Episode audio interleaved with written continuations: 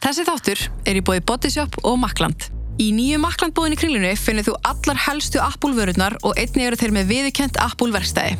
Vil einnig benda ykkur á að Bodyshop er komið nýja dekurlínu sem gerðar eru á 100% náttúrulegum ilmkjarnaóljum. Þar finnir þú vörur fyrir slökun, svefnin og hugan. En hinga eru til minn komnar sex konur. Þið eigið það alla sammeðlegt að vera með matsmenn sem, eða sama matsmannin nema, nema þú, þú ert með rögnu. Annars er þið með Guðrúnu Ott sem hefur verið annarkvæmt meðdómari eða matsmaður. Um, þið eru að leggja fram kæru, eða ekki? Eða kvörtun til landlæknis. Já, já. já. Og það eru fjórar aðrar sem eru líka með ykkur í þessum hóp sem eru að leggja fram þessa kvörtun. Um, ef við byrjum bara aðeins á þér. Já. Eh, þú ert búin að, þið, þú ert að reyna að skilja, eða ekki? Jú. Þú ert að reyna að skilja. Já. Síðan 2018. Já, það passar. En þú, í rauninni, hann fekk, þið eru með sammeila forsjá, eða ekki? Já, okkur, það var dæmt sammeili forsjá á sinu tíma Mhm. og Guðrún Ottsdóttir var sagt, meðdómari í mínu máli. Mhm. Ein af þremur dómurum. Einmitt, og það, og, og hérna, matskerðin þín í rauninni, hún, hver var það aftur sem gerði matskerðina þína? Hún heitir Valgerður Magnúsdóttir, sálfræðingur. Og varstu ánað með þessa matskerð? Já, ég var talin sem sagt hæfari, Ok. foreldri í þessari matskerð. Og hvað gerðist síðan? Eh, svo fer málið í rauninni bara fyrir domstóla og hérna það var eiginlega bara einhvern veginn öllu snúi við. Það var gert lítið úr öllu ofbeldi sem ég sagði frá og, og það sáttar. Hvernig var það, þú veist, fyrir þig einhvern veginn að að að þegar að matsmaður er, þetta er bara dómskvættur matsmaður sem á að vera bara óháður aðali og hann metur þá móður og föður Já. þú sé hæfari og þú ert mat- metin hæfari í því máli. Síðan þegar þetta fer fyrir dóma þá eru þessu einhvern veginn snúið við. Já, Hva, fegst einhverjum svona skýringu á því? nei, aldrei. Var það bara, Já, þetta var bara, ég bara einhvern veginn trúði því ekki hvað var að gerast þegar ég var í dómsal og hérna, þú veist, eins og ég segi, það var gert lítið úr ofbeldi sem ég sagði frá og, og öll einhvern veginn snúið á, á móti mér. Og þetta var svona eiginlega bara hálf ótrúlega tilfinning, sko, að hérna vera að upplifa þetta því ég hugsaði bara hvað er að gerast. að það voru alveg svona gögn í þínu máli, ég meina þú varst með hvað nálgunabann og Já, það kom setna meir í rauninni, sko, eftir, uh, þú veist, ég var með nálgunabann núna bara á síðast ári. Ok, sem að staðfesti náttúrulega bara ofbeldis hegðun hjá honum það er ekkert létt að hérna, fá er, Nei, mjög erfitt að fá nálgunabann og því var framlengt sko sem að var sem sagt, þá í heilsinni í sex mánuði mm Mhm. umgengni hefur verið undir eftirliti líka þannig að þú veist það líka sannar það bara hversu hættulegur hann er Hvers vegna varst, varst þú metin hæfari? Hvað var það sem, þú veist, í matskerfni sem síndi fram að þú væri reynu hæfari? Ég náttúrulega bara tengdist barninu miklu betur af því að ég náttúrulega hef verið aðal umönnunur aðali drengsins bara frá því að hann fæðist. Og hann, þegar þessu snúi við, já, er það þá bara, dómari tekur bara, segir bara já og amen eða, já, þetta var í rauninni bara þannig. Og hvað gerist þá í framhaldinu? Eh, það dæmt sameiginlega forsjá og umgengni. Eh, umgengni fór fram sem sagt, eftirlit laust um tímabil og hérna, ég sá alveg um það að koma drengnum í umgengni og svo umgengni stóðst. Það var farið, eftir, farið fram á það að hann myndi fara sagt, í hérna, uppeldisráðgjöf og myndi kynna sem sagt, bara svefnrútinu drengsins og þess aftar sem hann gerði ekki. Og þegar það kom að því að það átti að vera nætugisting að þá hérna, tók ég alveg meðvitað ákvörðunum að stöðva umgengni. Af því að hann hafði ekki farið í uppeldisráðgjöf hann hafði ekki kynnt sér neitt sem að snýri af drengnum sko. Og hann var bara rúmlega tveggjára þegar þetta var þannig að Já, ok. Og, það, og, og þú vinnur það í rauninu, er það bara hægt að getur þú bara stöðvað? já, ég gerði það bara og hafði ráðfært mig við félagsþjónustuna og, og hérna síslumann og opna svo mál í kjölfarið að því hjá síslumanni um breyta umgengni og niðurstaðan í því máli var sem sagt lámars umgengni undir eftirliti þannig að uh, síslumar rauninni sér eitthvað hvað er í, í gangi skilur og ákveðu það og það var gert tengslamatt uh, á vegum síslumanns og hérna uh, og ég er náttúrulega tengdar í drengnum. Já, já, og hérna já, umgengni ákveðin undir eftirliti þar. En umgengni var, var hreint á staðirunni þrátt fyrir að vera nálgunabann gilt Af, af hverju var það? ég veit það ekki, ég fekk aldrei neina útskýringar. Var það eitthvað sem skiptir það einhver máli? eða? Nei, það, hjá síslumann skipti það engum máli sko. Ég reyndi ítrykkað að, að fá því breytt sko, að fara ekki með umgengn á staða meðan nálkunubann væri í gildi en það gekk ekki eftir sko. Ok, en var, þarf matsmaður ekki að gefa útskýringu eða meðdómar útskýringu á af hverju af hverju hún snýri við, af hverju hún tók ekki mat á Eh, ég hugsa að hún ætti að gera það. en hún gerði það ekki Nei, og þetta er, þetta, hún var náttúrulega líka matsmaður í þínu máli. Já, og var, var þetta eitthvað sveipað hjá þér? Var hún, þú veist hún dæmdi þig óhæfari? Nei, í raun og veru voru við jafnhæf. ok, en þegar, þegar þú ert að lesa eins og matskerðin þar sem þið eru metin bara jafn hæf Já, hvernig, hvernig var það fyrir þig að lesa það? Varstu, varstu sammálaða fannst þér nei, ég var náttúrulega enga meginn sammála og það er náttúrulega bara mjög bugandi að lesa það eftir allt ofbeldið sem er búin að gangi gegnum bennum hans og, og hún svo hérna í þessi sex ár sem hún er búin að vera í umgengni honum. Og, og þú veist, vitandi það að ég hugsaði um heimil, ég hugsaði um bönnin og ég var að gera alltaf, við vorum miklu nánari og, og hérna að lesa það bara við varum jafn hæf mm að maður sé jafn hæfur og, og einstaklingu sem beitir ofbeldi. -hmm. það er náttúrulega bara mjög niður brjótandi einhvern veginn og maður er svo varnalög maður er bara berskjálta maður er einhvern veginn það er ekkert sem maður getur gert. Mm -hmm. og maður hefur maður hefur engi völd maður er bara undir þessum matsaðila komin að því svona dómsmáli þá er þetta veist, það sem máli snýst um matskerðin og, og náttúrulega eins og þarna hún hættir að fara til pappa sinns þarna í januar og hérna og það er engin umgengni við hann. Hún bara neytar að fara í umgengni. Og þegar hún matskerðin er gerð að þá náttúrulega er hún ekki að tala við pappa sinn, hún er ekki að hitta hann. Og ekki búin að gera í, í ár og vill ekki hitta hann. Og Guðrún segir ég get ekki klára matskerðina að því að partur af matskerðinni er að fylgjast með ykk, ykkar samskiptum og tengslum. Og ég get ekki bara hitt þig og hana, ég þarf að hitta hana með pappa sínum. Þannig að ef ég get það ekki þá get ég ekki klára matskerðina þannig að hún er rauninu bara leggur hana frá sér og við byggðum í tæft ár. Þanga til að hún hún samþykir loksinn samþykir að hitta pappa sinn með sálfræðum sínum. Þannig að hún, Guðrún kemur ekki heim til mín og ekki heim til föður hennar. Heldur er þetta bara á stofinu hjá sálfræðingni, dóttur minnar. Ég meina það var opið badnavendamá líka út af þessu og, hérna, og er, það, það var náttúrulega bara sagt þú, þú verður að hlusta á badnið mm -hmm. en svo, svo fær maður í raun og veru er ás, ásakaður um að vera að hlusta á badnið af Guðrúnu að vera með því að hlusta á badnið þá sem að íta undir kvíða og forðahegðun hjá henni Mhm. að, að ég í raun og sem foreldri þá sé það mitt hlutverk að að bara koma henni í umgengni og ef að hún fer ekki umgengni og vill ekki fara í umgengni þá hlýtur það að vera því ég sé að tala ítlum pappinar Mhm.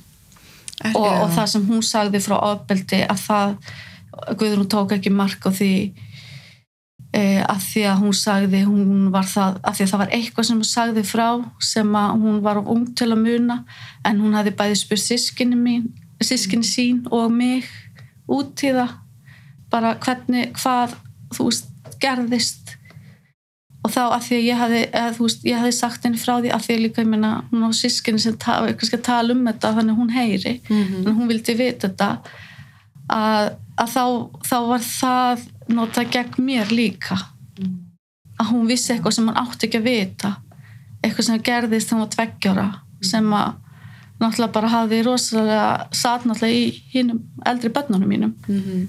Þetta er kannski líka svolítið svona afgerandi í svona mats, matsgerðunum að það eru svona uh, verið að draga úr trúveruleika barnana að, að móðurinn sé rauninni að mata barnið að íta undir kvíða eða alls konar já, sem barnið er með. Og það ætlum við sér í þínu máli líka. Þú, þú varst með Guðrúnu Odds bæði, ekki, já. í þínu máli. So in your case when you read the, the files uh, was it that your kid was with the father? Yeah, he we got 50-50 custody after court and mm. yeah, lögheimili by his Yeah, he got the yeah, lögheimili, yeah. Okay. Or how did you feel about when you were reading the case? It was terrible. I, I, I believe in system and I thought they can help me to save my kid because mm-hmm. he was guilty against me and my son, oldest son. Mm-hmm. He hit us both and he had dome about this. Yeah, and he Yeah, so had he 60 charged. days prison and two years guilty. For hitting the kid? Yeah, he didn't take it and me and after, somehow he got leukemia. Yeah. And this women, Ragnar Gurun, they said, ah, I will believe he will never do it again.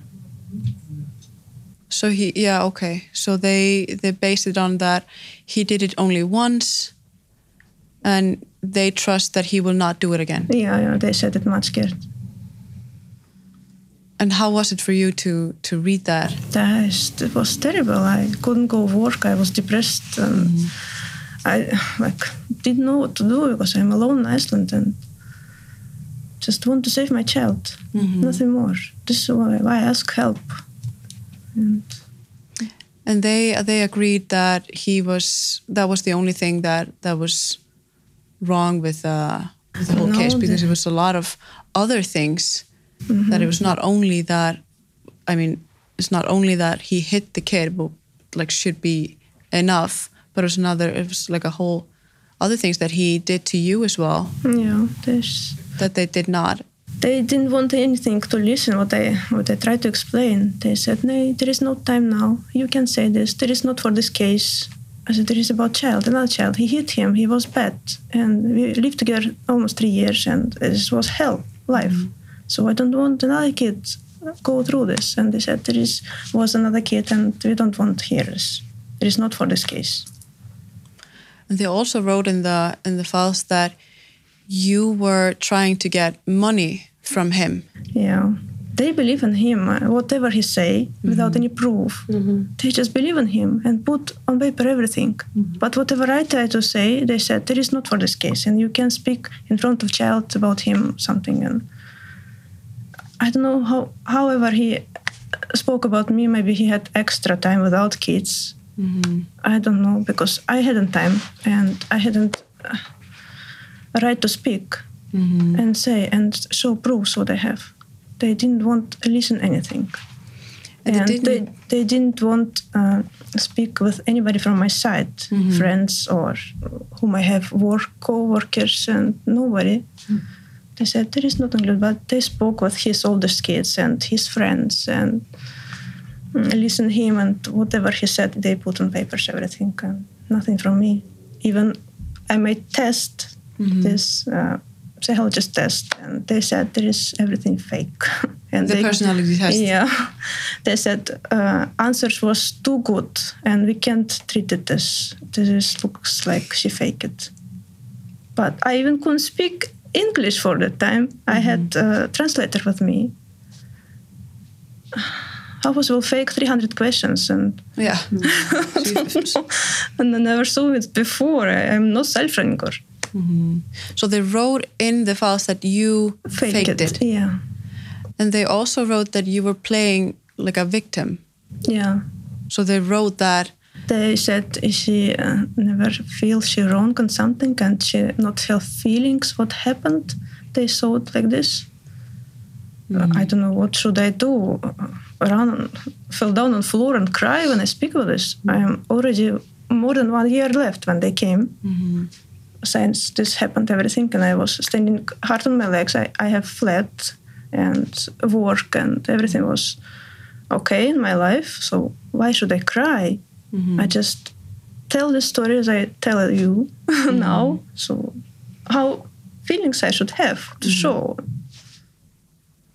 so in the when they made the personality test, you they said that you were your results were too good. Yeah. But what about his? Uh, his, uh, I don't know. He, they put a lot of numbers, and there is, was not same as my mine.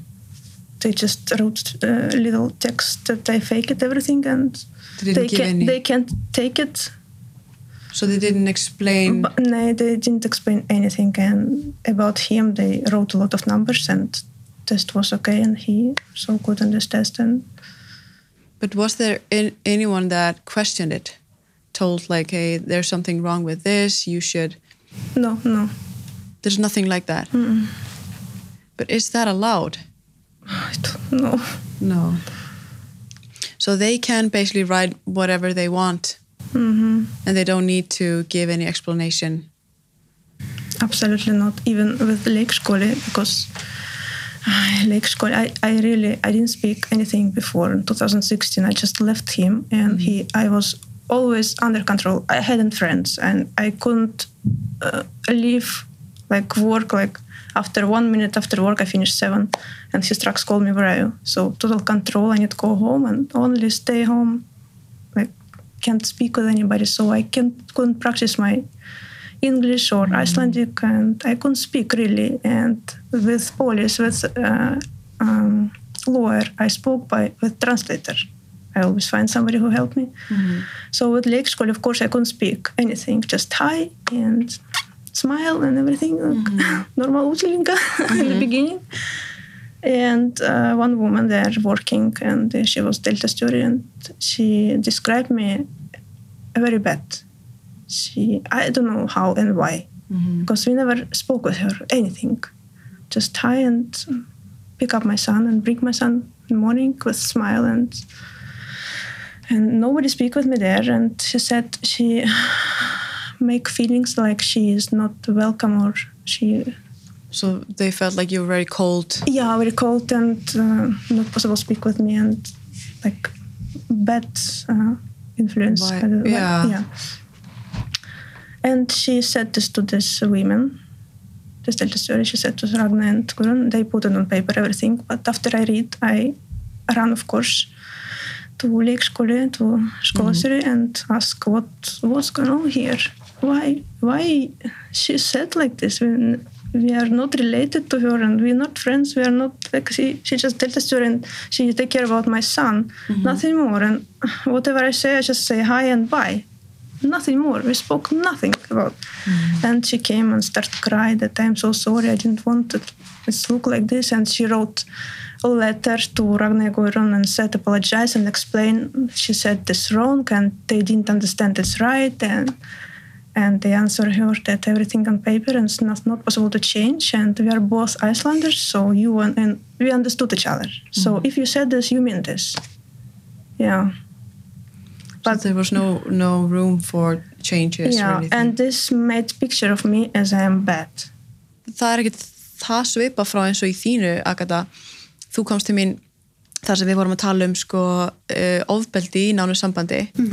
Og sko við fórum ekkert inn á þetta forsjámálið en ég man að við töluðum aðeins um þetta sko þar sem þú nefndir að þið voru með sameila forsjá yfir, já, til að byrja með já. En ég held að margir þekki líka þína sögu bara út frá bara hvernig ykkar samband var. Bara hræðilega lýsingar eins og með bæði dýrin og, og þig og annað og var að til þinn og annað. En þið, Guðrún Otts er, þess að þið fóruð í svona sáttar gerð Já, það er sérst það er náttúrulega ég sækja um þetta hjá síslumanni fulla fórsjá eftir hann, hann hérna, til mín. -hmm. Og það fer náttúrulega sátt að meðferð. Og hann náttúrulega samþykir ekki. Þannig að það þurfti að fá uh, já, ég man ekki nákvæmlega hvernig ferli var en það þurfti að fá svona dómskvætan matsmann. og við fyrir mér nokkur við tölum sig ykkur lagi. Og hérna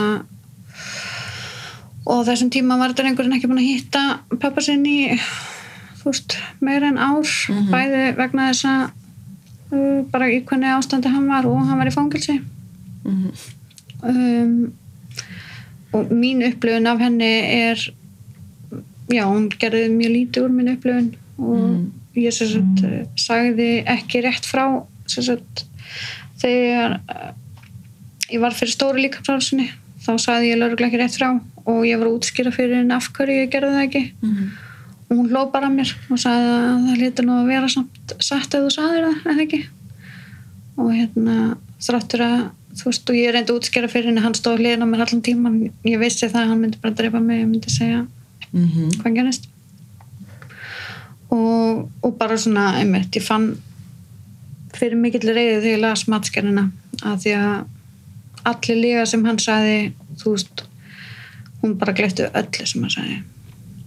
Hún var ekkit að, hún var ekkit að hérna svona hann segir það bara og hún það skrifar var það bara þannig. Já. og, hérna, og sálfræðingurinn hans og, og hún tók ekki mér fannst hún ekki taka eins mikið marka á vottarðum frá mínum sálfræðingi heldur en veist, hans sko. Mhm. hún hitti samt minn sálfræðing en ekki hans. Og og- já, ég var bara ógislega reyð þegar ég las þetta. Og, en þrátt fyrir allt saman þá hérna, dæmdum mig samt sérst, hæfari sko út af heimilsæðstæðum Mhm. um, hún fekk maður náttúrulega inn á heimilið mitt til að sjá mitt samband við drengin og fer bara inn í öll herbyggi og opnar, þú veist, ég er náttúrulega gefinni leif og opna öll herbyggi og, og svo fer hún að opna skápa og, og eitthvað svona og hérna, ég held bara að þetta væri eðlilegt og hérna, svo þegar ég les matskerna þá mm, er það ekkert svoleiðis heima í honum Mhm. og, og hann var sagt að rækta gras á þessum tíma heima og sér sem segir mig það að hún hefði alls ekki kíkt inn í all herbyggi, allur í mig og já, ég bara veist, ég skil bara ekki hvernig þetta gleipa við öllu sem þeir segja en, var hann ekki með dóm á sér á þessum tíma? Jú, jú. Hann var með dóm á sér. Mm en í rauninni fáið þið samt sameila umgengni eða þannig Uh, já, sagt, ég er dæmd hæfari fyrir forsjá þrátt fyrir að við værum meir en tilbúin að vera í samskiptum og, og, og sína sérst samvinnu og, og já, og svo sagt, erum við að fara fyrir dóm og þá sem sagt, býður lögfræðingurinn hans okkur um sagt, svona dómsátt Mhm. og, og samninga ég fái for, forræði að forsjána ég skipti við umgengni já, já, við já. En þú varst ekki sammála því sem hún skrifaði um bara alls ekki, hann var bara að ljúga blákalt framann í hana. Uh, varandi mín samskipti við hann um, og henni fannst ótrúlega skrýta að ég hef verið torstrygging af fólki og henni, þú veist hún ég náttúrulega tók líka svona persónleika próf og, og ég er greinilega með hérna andfélagslega persónleika röskun eða eitthvað. Og, og en ekki hann sko bara svona, já, mér fannst bara þú veist, ég fyllist bara svona að vita að hugsa um þessa matskera því þetta er bara, Mhm. bara ekki dretta sem hún er að segja. Var hann ekki, var ekki, hann ekki grindur með neitt? Ég man það ekki Nei. alveg en maður sem var bara að drepa dýr. Já, og berja konur. Já. Þetta er alveg náttúrulega alltaf leið með hann ég meina, samkvæmt henni. En þetta er er ekkit svona ósvipa eins og í þinni þar sem að matsmaður er Guðrún Odds líka þar sem hún gleipir bara við öllu sem sem, sem barsfæður þinn segir. Og var þegar þú fegst mat, matskerana að senda var það, varstu, þú veist hvernig leiðir þegar þú þegar þú sást hana? Ég fekk bara mjög mikið áfall, það var bara þannig. Og ég gati eiginlega valla að lesa hana. Ég þurfti að láta að lesa hana fyrir mig. Og það sem að var sláandi var einmitt í tengi við svo margt sem að þeirra að segja hérna, að það er allt ekki trúanlega sem að hann segir þrátt fyrir að það séu gögn í málinu sem segja annað og sína að hann er að ljúa mm. að, að hérna, ég fer að staði þetta mál vegna hans ofbeldis gagvart bönnunum, hann er líka beitt með ofbeldi. Og svo er mjög alvarleg vanræksla sem er mjög skjálfest af sérfræðingum. Mm og, og svo er Bartsram líka sem að flettast inn í þetta. En það er einhvern veginn týnir hún bara út það sem hendar hans uh, hvað segir maður, hans málstað. -hmm. og snýr öllu á kvolf sem að kemur frá mér og sérfræðingum því það er ótal sérfræðingar sem sáu í gegnum hann. Og, og trúðu börnunum. Og þau hefðu greint frá ofbeldi og var skýslur í barnavendum það til dæmis hún hikar samt ekki að segja að það sé ekkert ofbeldi í málinu og svo eitthvað persónleika prófi eh, sé ég í sjálfsföðrun og skori mjög hátt á lígakvarða. Og hann er metin fórsjár hævari samkvæmt hennar mati og það er dæmt samkvæmt því og ég missi fórsjá. Og hvað var það, hvað var gaf hann einhver útskýringar á því af hverju hann var metin hæfari? Það er mjög lítið raukstutt það er unni byggja sem mest á þessu persónleika prófi. Það er eins og það þurki út öll gögn og tilkynningar e, skýslur og já, hún lætur eins og ég sé að búa þetta allt til og ég sé að skapa vandabarnana það er hennar svona persónlega mat. Bara hún Já, hún byggir er það ekki bara á hennum mjög gögnum. hlutra með föður og gerir henni hans orð að sínum. Þegar hún setur upp sko atbyrðarsin eins og hún sér hana þá er það bara eitthvað svona hans En er það ekki, mér finnst þess að það sé svona svipað í öllu það sem matsmaður hunsar bara gögn, skrifleg gögn mm og byggir matskerana á einhverju svona sko móðir er sko legasjúk eða annarkort manun ekki að falska minningar eða reynir að hafa áhrif á badnið Mhm. svona eins og þessi hannar persónlega ég veit það ekki, tilfinning.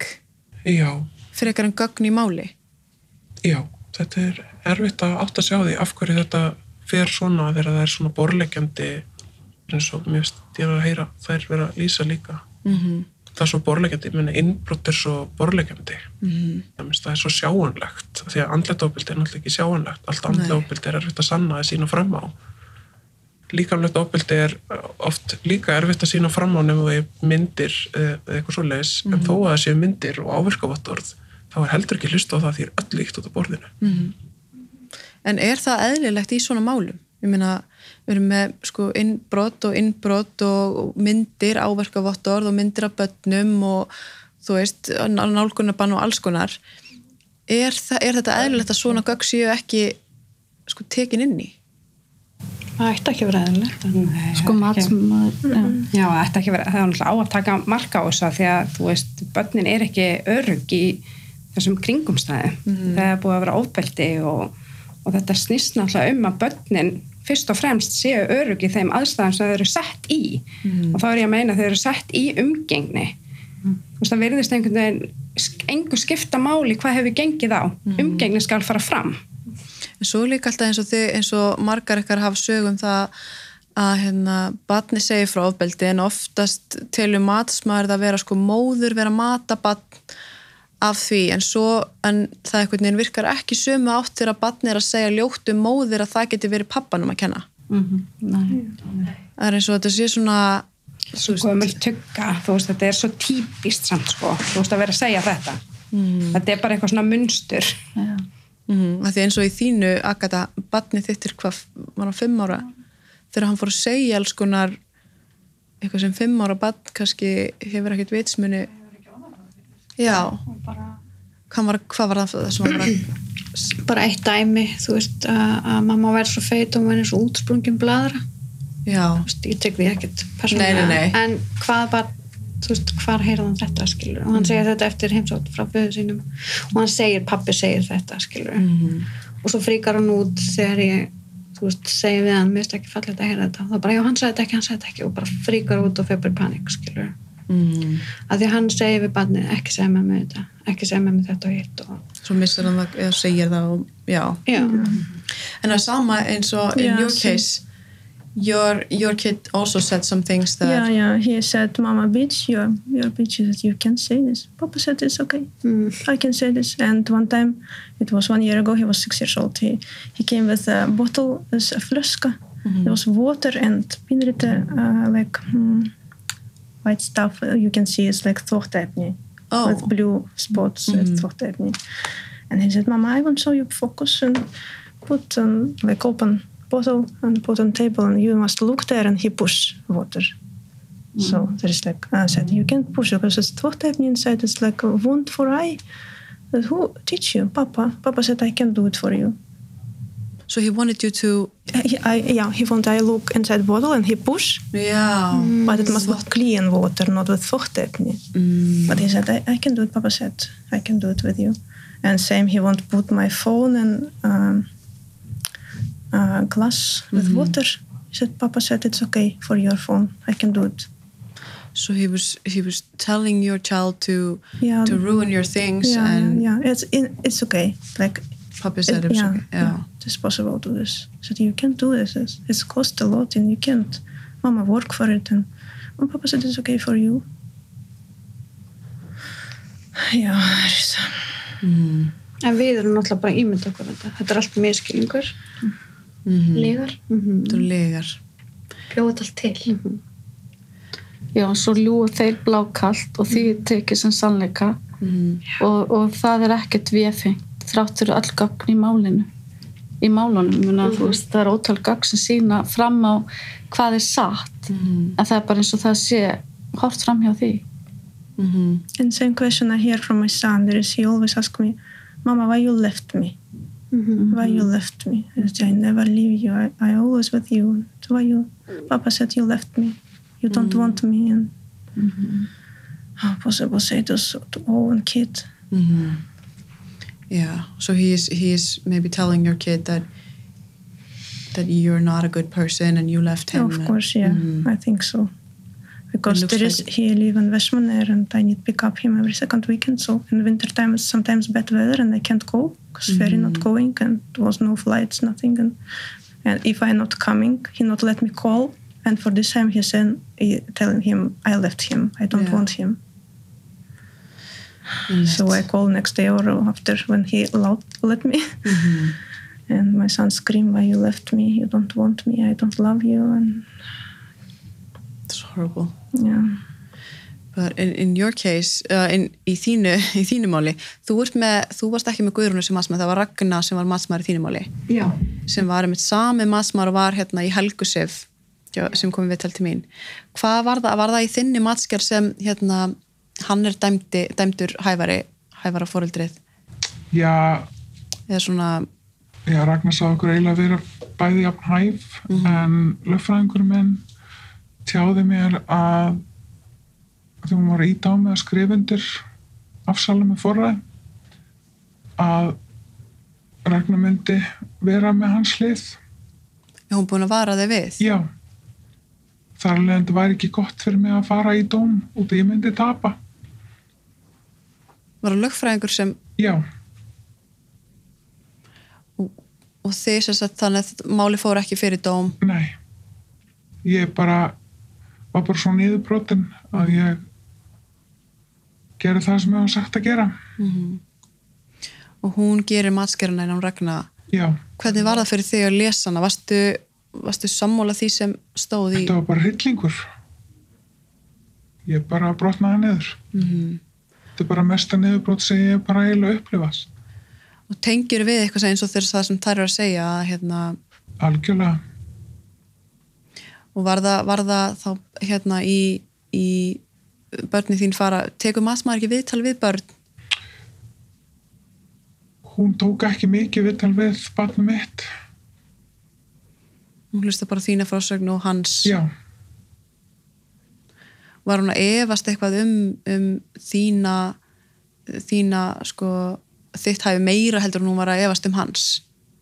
Sko þegar hann fór í viðtölun þá var hann eiginlega bara svert um mig. Ef hún bara tala ítlum þig já. Ég var ekki að fara í það. Ég var ekki að fara í, þessi, í það mat til þess að láta hann líta illa út. Nei. Hann getur séð hún um tók það mark sjálf. á öllu hún tekur bara mark á því sem hann segir. Já, og það var, fannst, það var ekki sama upplöfnu þér það, alls ekki. Bara alls ekki sko. En gaf hún þér einhverja útskýringar á því? Ég er bara barnaleg og leiðitöfum og eiginlega bara mm. paranóið og ég tristi þetta ekki neinum. Einmitt. Þannig að en þú ég hefur bara ekkert vel út. Nei. Gerður einhverja svona aðtöðasendir við matskerina já en það var ekki tekið neitt mark á neinu.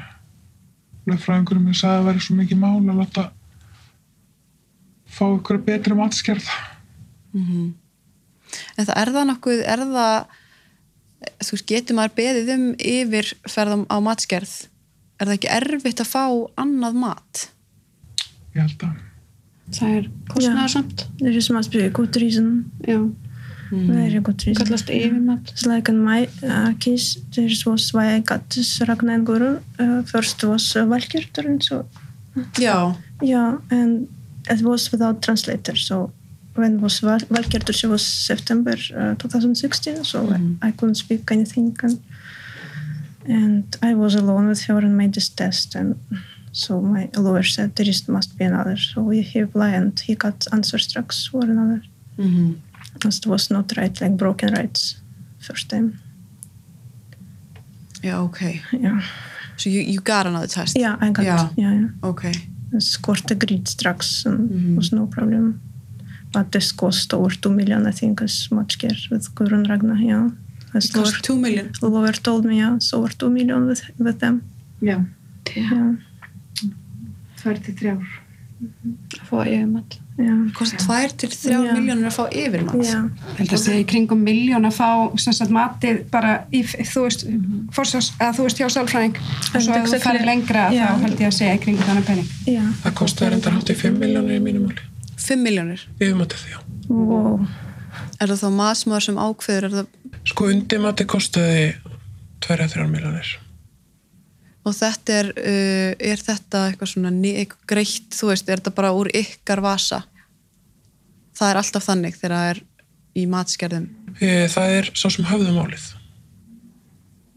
Ég höfðaði málið til þess að fá heilbreysa aðstof fyrir bönni mín. Mm Og undirmatið var eins og ég var að segja á þann. Hann var mitt fórsjárhæfari. Svo kemur yfirmat sem að snýr við undirmati og metur mig fórsjárhæfari. -hmm. og kemur með mjög mjög aðtöðasendir við undirmatið meðal annars annars persónleika prófin og og hérna fleira. Og ég er með til fórsjárhæfar en það er samt dæmt eftir matinu hennar Guðrúnar. Já, þrátt fyrir. þrátt fyrir að þessi komi yfir mat sem metur mig fórsjárhæfari þá er samt og þarna held ég flettist líka svolítið inn í að hérna þetta er þröngur hópur matsmanna sem er að störfum. Við erum mjög margar með sömu matsmennina sem erum að fá sömu niðurstöður. Mhm. og þetta eru matsmenn sem eru bæði að meta og svo að vinna sem meðdómendur alveg í mjög þröngum málaflokki. Og hérna ég held að mig setja verið spurningamerki við hæfni, eh, hæfni þess að- vera stöðt að sitja begja megin við borðið. Annars vegar sem matsmaður og hins vegar sem dómari. Og þú ert komin í sko mögulega vinatengsl við dómarana Akkurat. Það er með spurning sko eh, eins og segir að þú hef fengið yfirmat mm og það var samt tekið sko með af hinumatinu, undirmatinu -hmm. hvort að það sé þá hérna um, dómari vilji ekki hvað segir maður, þú veist særa eða í rauninni telja matsmann ekki hafa gert nógu góða vinnu eitthvað þannig, hvort þetta sé, þú veist, að því af hverju ættur ekki að taka með af nýja matinu yfirmat ætti náttúrulega að trampa Já, er það ekki? Já. hitt og tali nægilega vandað en já, ok, það, það er það bara mat dómara sem í bara þessu máli, já. Já. Og er það, er, en eins og hérna, þú talar um það hafi verið 5 miljónir sem það kostar að, að hefja nýtt mat. Er þetta, þú veist, hvað hefur þetta kostað ykkur eins og bara ef við byrjum á þér, þú veist, hefur þetta kostaði mikið? Já, þetta er náttúrulega ekki, þú veist, litlar upphæðir en það náttúrulega sem þetta kostar mest er náttúrulega bara andlega hliðin Mm -hmm. og bara baráttan sem maður er búin að standa í ótaljandi sálfræðitímar og, og bara hlúa sjálfur sér Mhm. Er þetta, þetta er ekki sko, það var einhver sem sagði við mig já, hérna, að mats matsmenn fá ekkert mikið greitt fyrir matsgerðina. ég veit ekki hvað er til í því sko en Nei. einhvers þar fá þeir sína sneið af kökunni sko Mhm. ég held að það sé alveg á hreinu En þetta er ekki nokkur hundra áskallar, þetta er alveg hátt í já, ég held að þetta fólk sé ekkert að þú veist, illa statt En eins og í þínumáli, er þarft, Já. þú þurftur að borga þetta sjálf. Nei, af því að minn fyrirverandi hafði það máli. How about your case? Is, are you, you had to pay for, for the whole case? Yeah, I did pay. And for all these years, I pay, I think, up to 3 million with all this translation and courts and kostnader. And I didn't pay for much care. This was from court, Mm-hmm. but all these lawyers and this cost a lot. Mm-hmm. But how did you feel about because how long has the case been going on? it was now six years. Six years. Yeah. And how is it like to like the time cost and like your health for the six years? It was terrible. I visit Salfrangur because I, and same, he continues scares me. He continues send messages and uh, ógislegt messages, calling and uh, Mm-hmm. yeah, rating and everything. So I even can't uh, walk to my work. I am driving. But I work next street. I can't because I'm scared. I got messages almost every day from him. Something. And now this war mm-hmm. in Ukraine because he's from Ukraine. I'm from Russia, and So he's threatening you with the war. yeah, and this is blues war for this, yeah. And nobody can help, nobody can stop this. Whatever I ask help everywhere, no. He can gi- do it, and he got child. Yeah, he got the kid. yeah. How do you feel about like how do you feel when you send your kid to the I feel terrible. We all feel terrible, all my family. And my son, who was abused by him, mm-hmm. he always, every time he's scared, he can do same to his brother. He mm-hmm. still remember. He 13 now. It happened. He was six. He turned March 13. He still remember how it was like it was yesterday. He can details tell how we live there and so he speaks about it. he speaks sometimes because he's scared for his brother now. His brother now in uni eight. But how is it, is it is the case still going on? It was in January, uh, last court, and I lost it again And nothing because of the it's based on Ragnar and Gurun Matskir, Mhm. and there is nothing I can do. Yeah,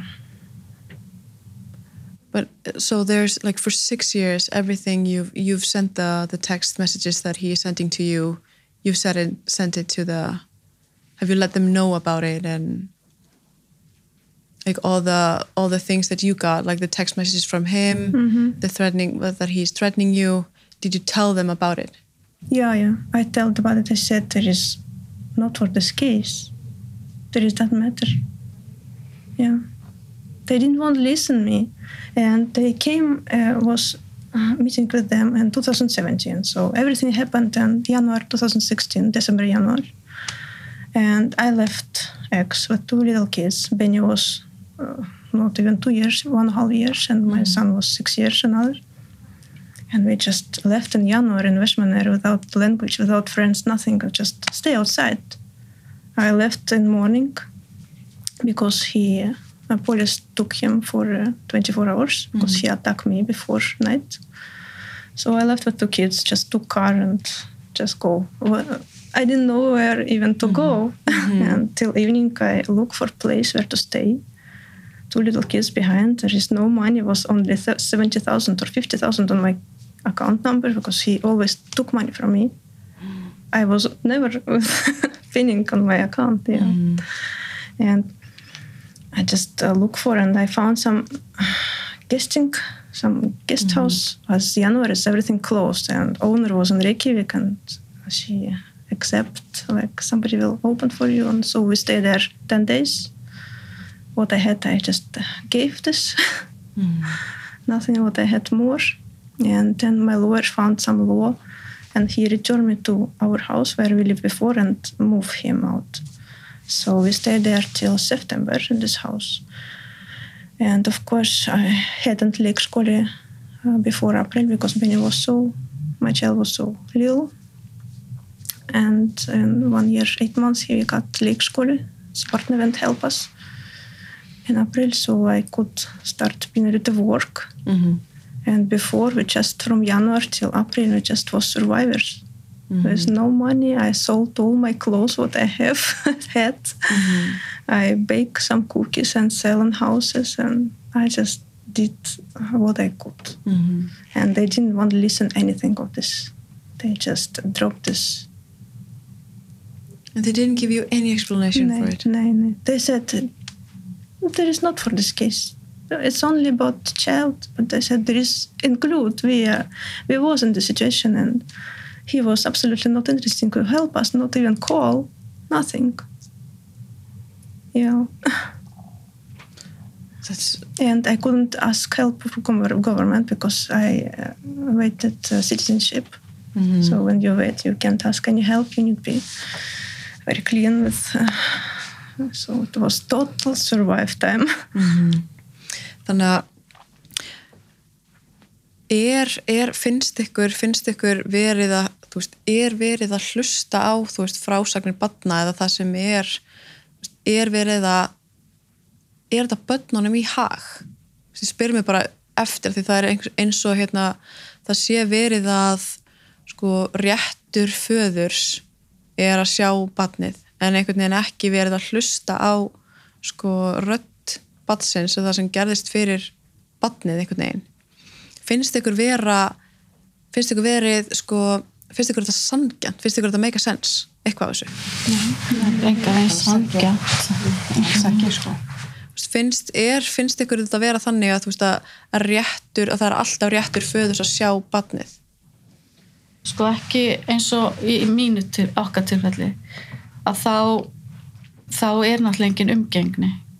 Mm og þannig að, að, að, að það var sko dómararnir töluð við badnið og, og hérna og það, þeir voru búin að segja að það er ekki dæmt neinn umgengni. -hmm. þannig að ég veit ekki hvort það var að því að hún náttúrulega orðin þá stór sko. Hún náttúrulega orðin uh, 15 ára. Þegar að loksins dró máli tilbaka en það hefði ekki verið dæmnin umgengni. En þeir eru veru vildu ekki dæma sko þeir vildu að við myndum ná sátt í málinu. Að það var bara ekki hægt af því að pappina gerði alltaf kröfu um umgengni.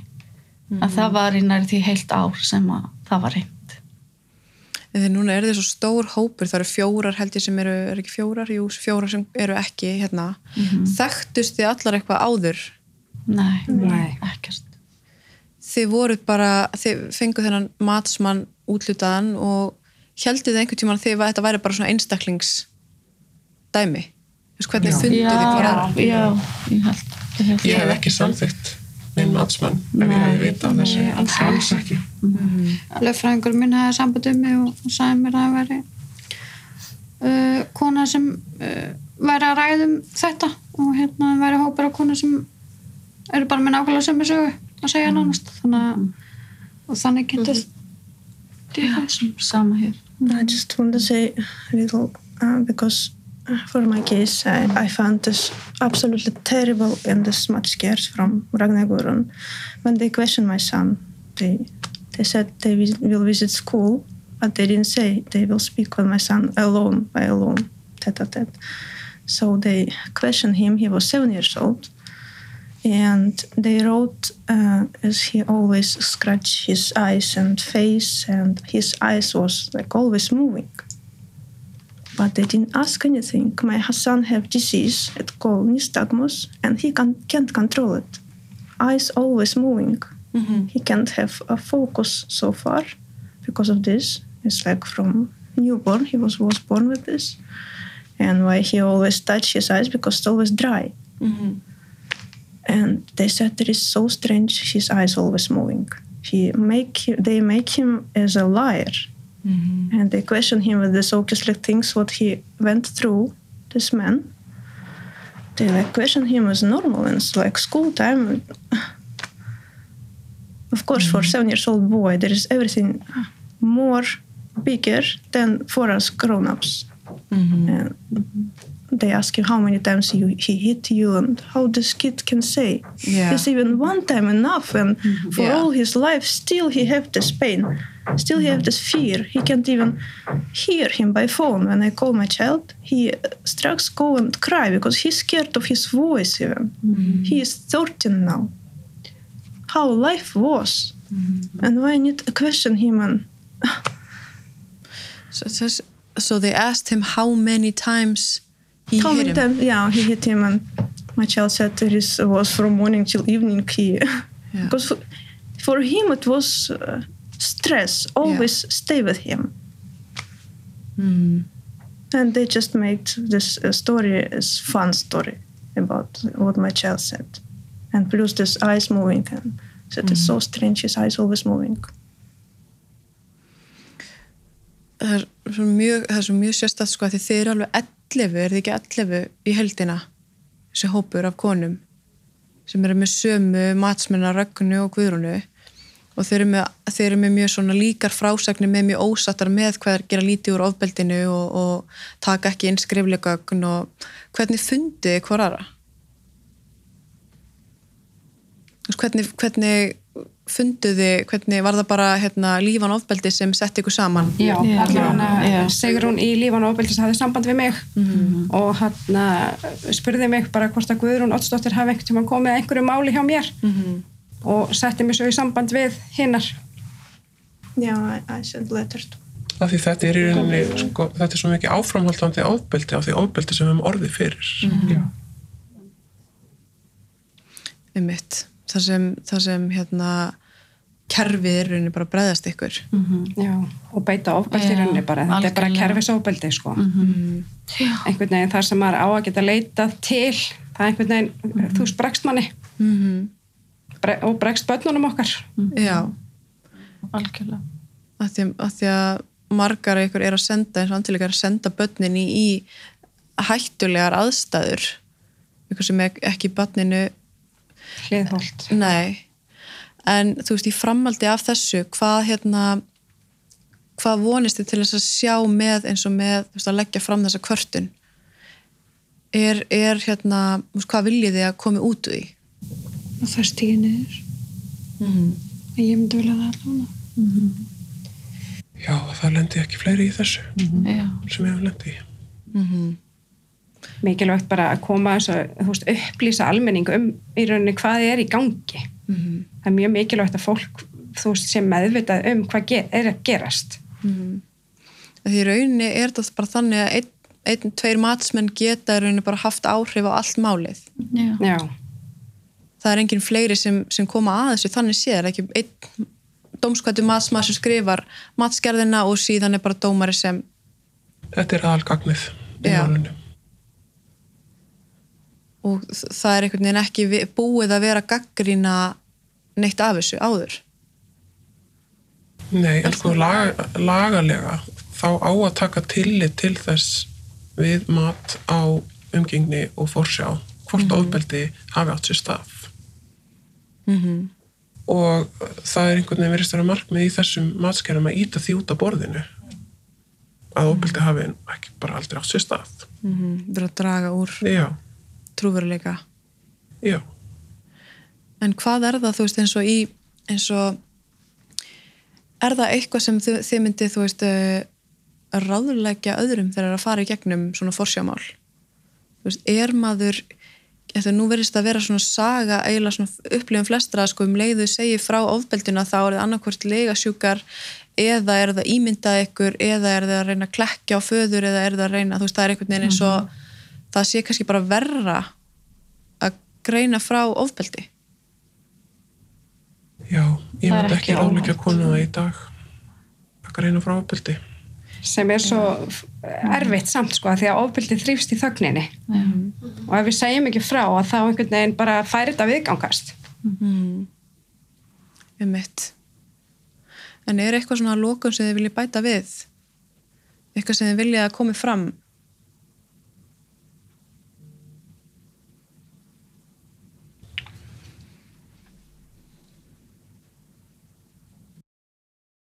ég alltaf bara þú veist, alltaf bara áhrifin sem þetta hefur á líf allra.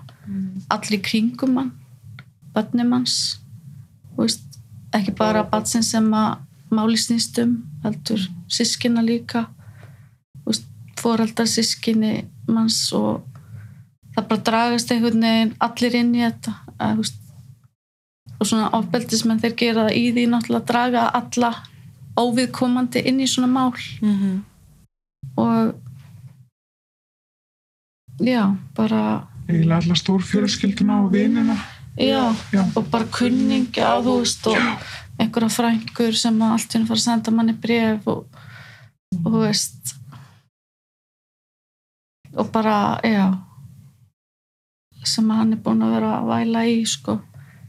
Að ég hafi rænt barninu og eitthvað svona sko Það er þessi áframhaldandi stjórn sem er þekkt hugtak í sko bandersku réttafari, coercive control eins og hún var að segja, hún er ennþá að reyna að skilja við hann. Þetta snýst bara um stjórn. Þeir vilja stjórna áfram þó við förum frá þeim þegar við loksins komumst frá þeim þá vilja þær halda áfram að stjórna. Þeir vilja hafa okkur alveg á botninum. Þeir vilja stjórna öllu. Og svo þegar þeir finna að þeir að missa stjórnuna þá grípa þetta lög þegar þörþrýfar á það. Akkurat. Það hefur verið svolítið eins og ég manna hérna, bæði Bryndís Ásmund og Edda Arna sem koma hérna, sagan og, og ykkar frásum líka oft verið sko sama, sami þráðurinn að þeir hafa í rauninni aldrei verið að sjá um batnið en síðan þegar, að, þegar þeir fara í þessa deilu að þá allt í er vilja rosalega mikið vera með batnið sko og hvort að það sé líka þessi áframhaldandi sko stjórn að velja stjórna. Bara þetta er minn réttur, ég á já, rétt. Já, klárlega sko. Það er að beita mann ofbeld gegnum barnið. Það er verið að taka sem hann þykja dýrmætast. Og þeir gera ekki fyrir hann að barnið er orðið það starpað og það getur hugsað um sér sjálft. En þarna eiga náttúrulega kannski matsmenninir er að koma inn í og meta bara en er þetta hagur batsins, er hver hefur, hver er hæfari? En það verðist vera hort algjörlega framhjá því sko. Mm. já, hagsmunni barnsins, barnana er ekkert nefn sett aldrei að leiðaljósi Mm. Nei, ekki í þessum matskerðum en lögin eru náttúrulega þannig að það á að hlusta. Já. og við erum eitthvað beðin það að það sé hlustað á börnin okkar. Að það séu minnstu vísbendingar um ofbeldi séu teknar alvarlega inn í svona mat að því eins og hún sagði það, það, er nóg að barnið verði einsunni fyrir líkamlega ofbeldi. Það er nóg til þess að þú sért stöðt undir óttæðum að það gerist aftur. Það þarf ekki að gerast nema einu sinni til þess að hérna, það verði virka sér ofbeldis áhrif og lifa undir þessum stöðu óta við að það gerist meira. Algjörlega. Einmitt, ég held að það sé bara svona að koma að lókum inn hjá okkur og en það er bara búið að vera gott að hafa ykkur hérna og takk fyrir að stíga fram sem hópur og ég veit að Bryndís Ásmunds og Helga og vildu vera hérna með okkur og, og fleiri sem bara komust ekki vegna þess að það eru að flótta sem sýnir líka bara kannski alvarleika alvarleika nýjus öllu saman. En hérna, já, bara takk hæslega fyrir að koma og, og hérna, já. Takk fyrir að hlusta